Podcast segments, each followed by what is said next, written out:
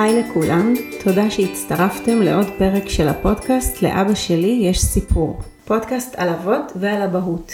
אני חני גיטליס, עובדת סוציאלית קלינית, מנחת קבוצות, מתמחה בטיפול בגברים ובאבות. בכל פרק נעסוק כאן בנושאים שמעניינים אבות, כאשר בחלק הראשון של הנושא אני אארח אבא לשיחה אישית, שבה הוא יספר בגוף ראשון על ההתמודדות שלו עם הנושא, ובפרק השני, העוקב, אדבר על הנושא מנקודת המבט המקצועית שלי, מידע תיאורטי ומחקרי ומתוך הניסיון הקליני שצברתי. בזמן הקלטת הפרק הזה אנחנו באמצע חודש נובמבר, ישראל במלחמה, ואני מתמקדת בתקופה הנוכחית בחוויות של אבות סביב תקופת המלחמה.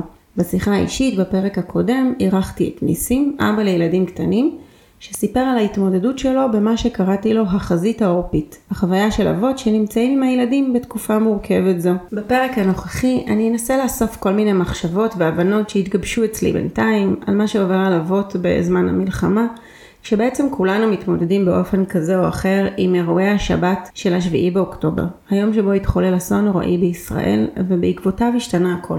וההתמקדות הפעם היא לא במי שנמצא במעגל הראשון של המלחמה, לא מי שחווה את הטראומה על בשרו או במעגלים הראשונים שלו, לא מי שיצא ללחימה, אלה התמודדויות שונות ואני מקווה שאליהם עוד נגיע בפודקאסט. נדבר היום על מי שנמצא בעורף, שנמצא בבית עם ילדים שהפסיקו ללמוד לתקופה, חלק כבר חזרו למערכת החינוך, חלק עדיין לא לגמרי או לא בכלל, שלפי אזור המגורים נמצא בטווח הטילים או שלא נמצא בטווח הטילים.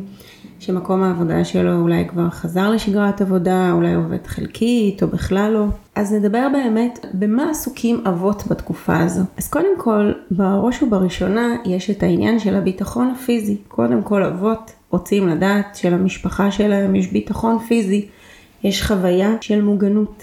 אצל חלקם אפשר גם לזהות את הרצון שמתעורר לצאת ולהילחם. אפילו אם הם מעולם לא היו לוחמים, יש ככה איזשהו חלק שרוצה לצאת ולהילחם.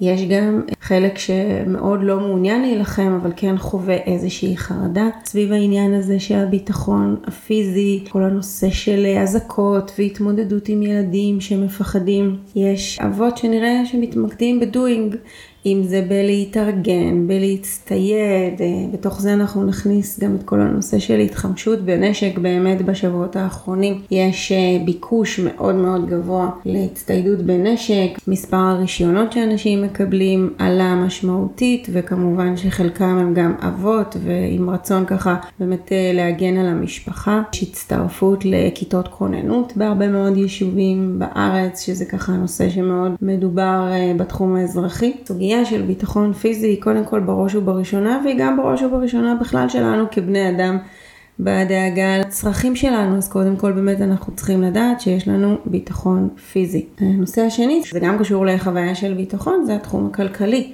כי בעצם מה קורה לפרנסה של המשפחה בתקופת הלחימה? זה משהו שמאוד מעסיק אבות. האם האב עצמו עובד, האם בת הזוג עובדת, האם יש אחד מבני הזוג שהוא חיוני, אולי שניהם חיוניים, אולי האישה חיונית והגבר לא חיוני והוא זה שנשאר בבית. מה קורה לעצמאים, יש עצמאים שבעצם העבודה שלהם פסקה לחלוטין, וזה איזשהו נושא מאוד בעייתי, בעצם שהעבודה מופסקת ואין איזשהו ביטחון, גם בפן הכלכלי וגם בחוויה האישית, כל העסק מפסיק לעבוד או עובד פחות, ויש הרבה מאוד דאגה לנושא הזה, ולא ברור כמה מקום יש לזה בשיח, כמה אפשר לחזור לשגרה, איך מתחילים לעשות את זה, מה קורה כשאין דרך לחזור לשגרה, יש תחומים שממש משותקים בתקופה הזאת. יש אנשים שיש להם את האחריות גם לעובדים אחרים. אה, יש הרבה מאוד התעסקות בפן הכלכלי בלחימה. אנחנו גם רואים את זה כמובן במדינה שעסוקה מאוד גם בתחום הכלכלי. כל הסיפור הכלכלי הוא, הוא אחד מגורמי החוסן גם של המדינה וגם שלנו כפרטים בתוך המלחמה ולכן זה נושא ככה מאוד אה, משמעותי והרבה פעמים מאוד מאוד משפיע על גברים. אה, יש אנשים שידרשו לעבוד יותר כי בעבודה של שלהם, יש אנשים שיצאו למילואים והם צריכים לכסות עליהם, אז הם נדרשים להרבה יותר זמן ומשאבים בעבודה שלהם. אז זה באמת ככה תקופה שיכולה להיות מאוד מאתגרת בכל מה שקשור לפרנסה, לביטחון הכלכלי.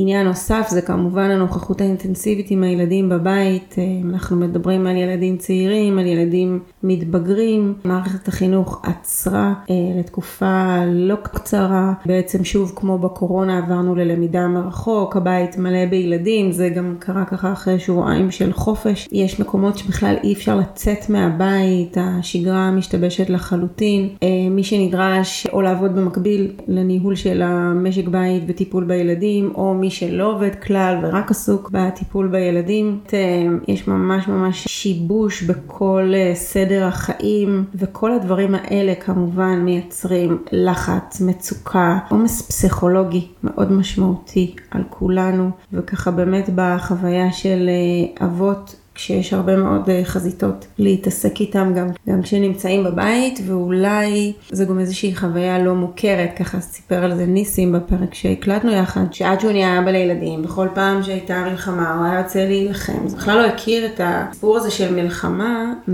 מהזווית הזאת של להיות מחוץ ללחימה והתמודדות עם כל מה שמסביב. כמובן שחשוב מאוד להדגיש גם את כל הנושא של אה, חשיפה מוגברת לאירועים קשים והיצמדות לחדשות ולרשתות חברתיות. חברתיות ויש ערוצים ומשדרי חדשות פתוחים במשך ימים ולילות, אה, כבר שבועות על גבי שבועות וקשה מאוד להתנתק. יש את מי שעוקב ככה מאוד אחרי כל מה שקורה, לפעמים גם עסוק מאוד בלהגיב, בלהביע דעה, לדברים, אבל מאוד מאוד קשה להתנתק וקשה מאוד להפנות קשב שצריך אותך בתוך הבית, כי אתה גם ככה באמת רוצה להיות עם מה שמעסיק אותך כרגע. וכל הדברים האלה גם באמת יכולים לייצר חוויה של אה, זעם ושל תוקפנות. ככה אני חושבת שגם בכלל כל התקופה הזאת של אה, מלחמה והאופן שבו היא התחילה וההפתעה שקרתה והתחושה של המחדל וחשיפה להמון המון המון אלימות ורצח וטבח ומילים מאוד קשות ודברים שלא ראינו ושלא הכרנו וכל אלה מעוררים ממש חוויות קשות. של זעם בתוכנו ומעוררים תוקפנות ככה ואני אפילו לא נכנסת פה למקום של עמדה פוליטית ומה אנחנו חושבים שצריך לעשות, אבל אפשר לראות את זה ממש ממש אצל כולם. והכעס יכול להיות מופנה חוצה לגורמים מחוץ למדינה, הוא יכול להיות מופנה כמובן למי שביצע את המעשים הנוראים האלה, לחמאס, לעזה, זה גם יכול להיות מופנה אצלנו, בפנים, לממשלה, למי שאנחנו ככה תופסים כאחראי לכל מה שקרה כאן. קורים באמת הרבה מאוד דברים, והנושא הזה של הזעם והתוקפנות, בכלל כל הסיפור של מלחמה. הוא בעצם בלהיות במצב של fight, באיזשהו מצב הישרדותי שבו אנחנו צריכים להילחם כדי להגן על עצמנו, כדי להגן על החיים שלנו. אנחנו מתמודדים עם הרבה מאוד קשיים גם מול העולם וכל הנושא ככה של הצפייה בסרטונים ופרסום והסברה ישראלית, כל הדברים האלה מעוררים הרבה מאוד זעם. והזעם הזה, התוקפנות הזאת גם נכנסים הביתה. זה קשור גם למצב בחוץ ולקושי להתנתק ממנו, וזה קשור גם לחוסר סבלנות למה שקורה בפנים. זעם הוא גם יכול להיות תוצר של חרדה שהיא לא מדוברת, אבל היא באה לידי ביטוי בזעם ולא בביטויים של חרדה והתקף חרדה וכל מה שככה נדמיין איך חרדה מתבטאת. והסיפור הזה של הזעם ושל התוקפנות הוא גם יכול להיות מאוד הרסני למערכות היחסים שלנו ולייצר איזושהי חוויה של בדידות, שלא מבינים אותי, של הרבה מאוד קושי שבעצם רק מייצר עוד ועוד בעיות בתקופה הזאת. גם בנושא של חרדות, באמת יש אנשים שסובלים מהתקפי חרדה,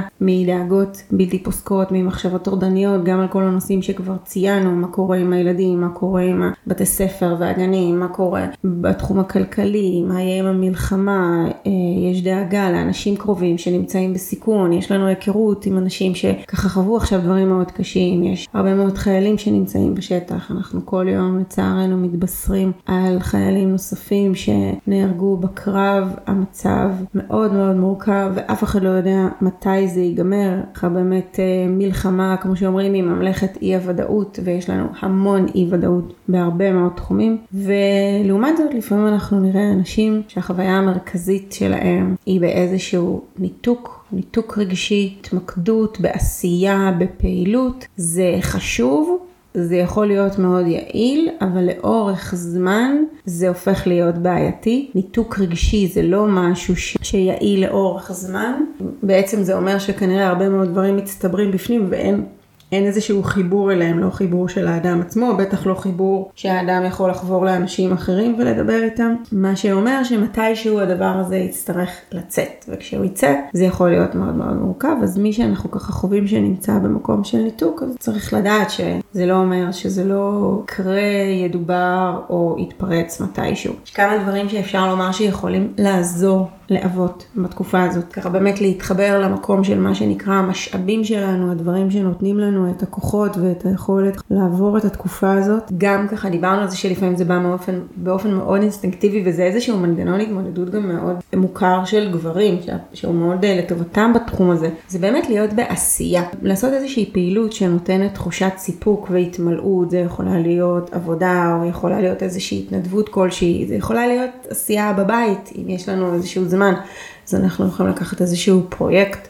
שרצינו לעשות כבר הרבה זמן ולארגן, לפעמים גם רגע לנקות, ככה לעשות איזשהו סדר חיצוני שגם מנקה את, הראש בפנים, סידור של איזשהו ארון, או, או פשוט לקחת איזשהו פרויקט ולקדם אותו, זה משהו שיכול להיות משמעותי. פעילות גופנית, מי שרגיל לעשות אז בטח, מי שלא רגיל לעשות אז אפילו אם לא, להיות, לא לעשות פעילות ברמת אה, חדר כושר וככה משהו מאוד מאוד קשה, אפילו להיות באיזושהי תנועה, תנועה זה מאוד מאוד חשוב, זה עושה טוב, זה נותן לנו הזדמנות לנשום, להתאוורר, אפילו לעשות איזשהו סיבוב בשכונה, לצאת, אפשר לחבר את זה גם למוזיקה, שהיא גם יכולה להיות איזשהו מקור להרגעה. כמה שאפשר כן לקיים מפגשים חברתיים ולא להתנתק מאנשים ולהיות עם עוד אנשים שכנראה מרגישים את אותו דבר ואפילו אם נקטר ביחד או נתלונן על מה שקורה, אנחנו עדיין מרגישים לא לבד, והסיפור הזה של לא להיות לבד הוא מאוד מאוד חשוב. אני חושבת על כל המדינה שמלאה בשלטים של ביחד ננצח, אני מקווה,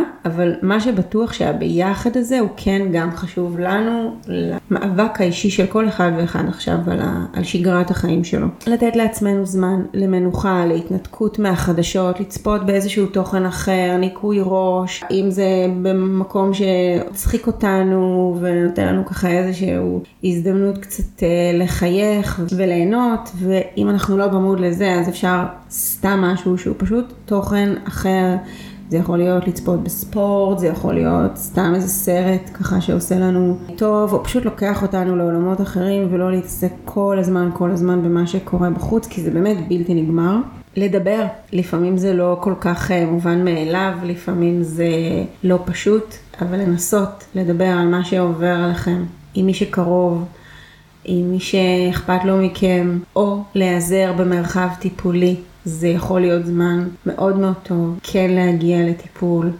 אפילו להתייעצות, אפילו לאיזה שהם כמה מפגשים ככה לתקופה הזאת, פשוט לא לעבור את זה לבד, לעשות איזשהו סדר בראש, לנסות להבין מה קורה לכם, איזה מקומות זה ככה אני אגיד את זה בהכי קלישאתי, איזה מקומות זה פוגש אצלכם, היסטוריה שלכם, כל מה שקורה עכשיו יכול לפתוח, כל מיני אירועים מהעבר שלא נתנו להם מקום, פצעים שעדיין ככה כואבים, חשוב שנהיה בערנות לזה שזה קורה לנו. אני חושבת שבעיקר חשוב בתקופה הזאת להבחין בין מה שהוא כרגע בשליטתנו לבין מה שלא בשליטתנו. כי מה שבשליטתנו, יש לנו אפשרות להשפיע עליו, הוא נתון לשינוי, זה דברים שיכולים לייצר לנו ככה איים של ודאות בתוך חוסר הוודאות שיש בתקופה הזאת, אבל מה שלא בשליטתנו, כמו למשל כמה זמן תימשך המלחמה הזאת, ומה קורה עם מערכת החינוך, ומתי אה, אנשים שקרובים אלינו יחזרו הביתה, פה צריכה להיות עבודה של קבלה. קבלה שזאת המציאות עכשיו, וככל שאנחנו נילחם בה,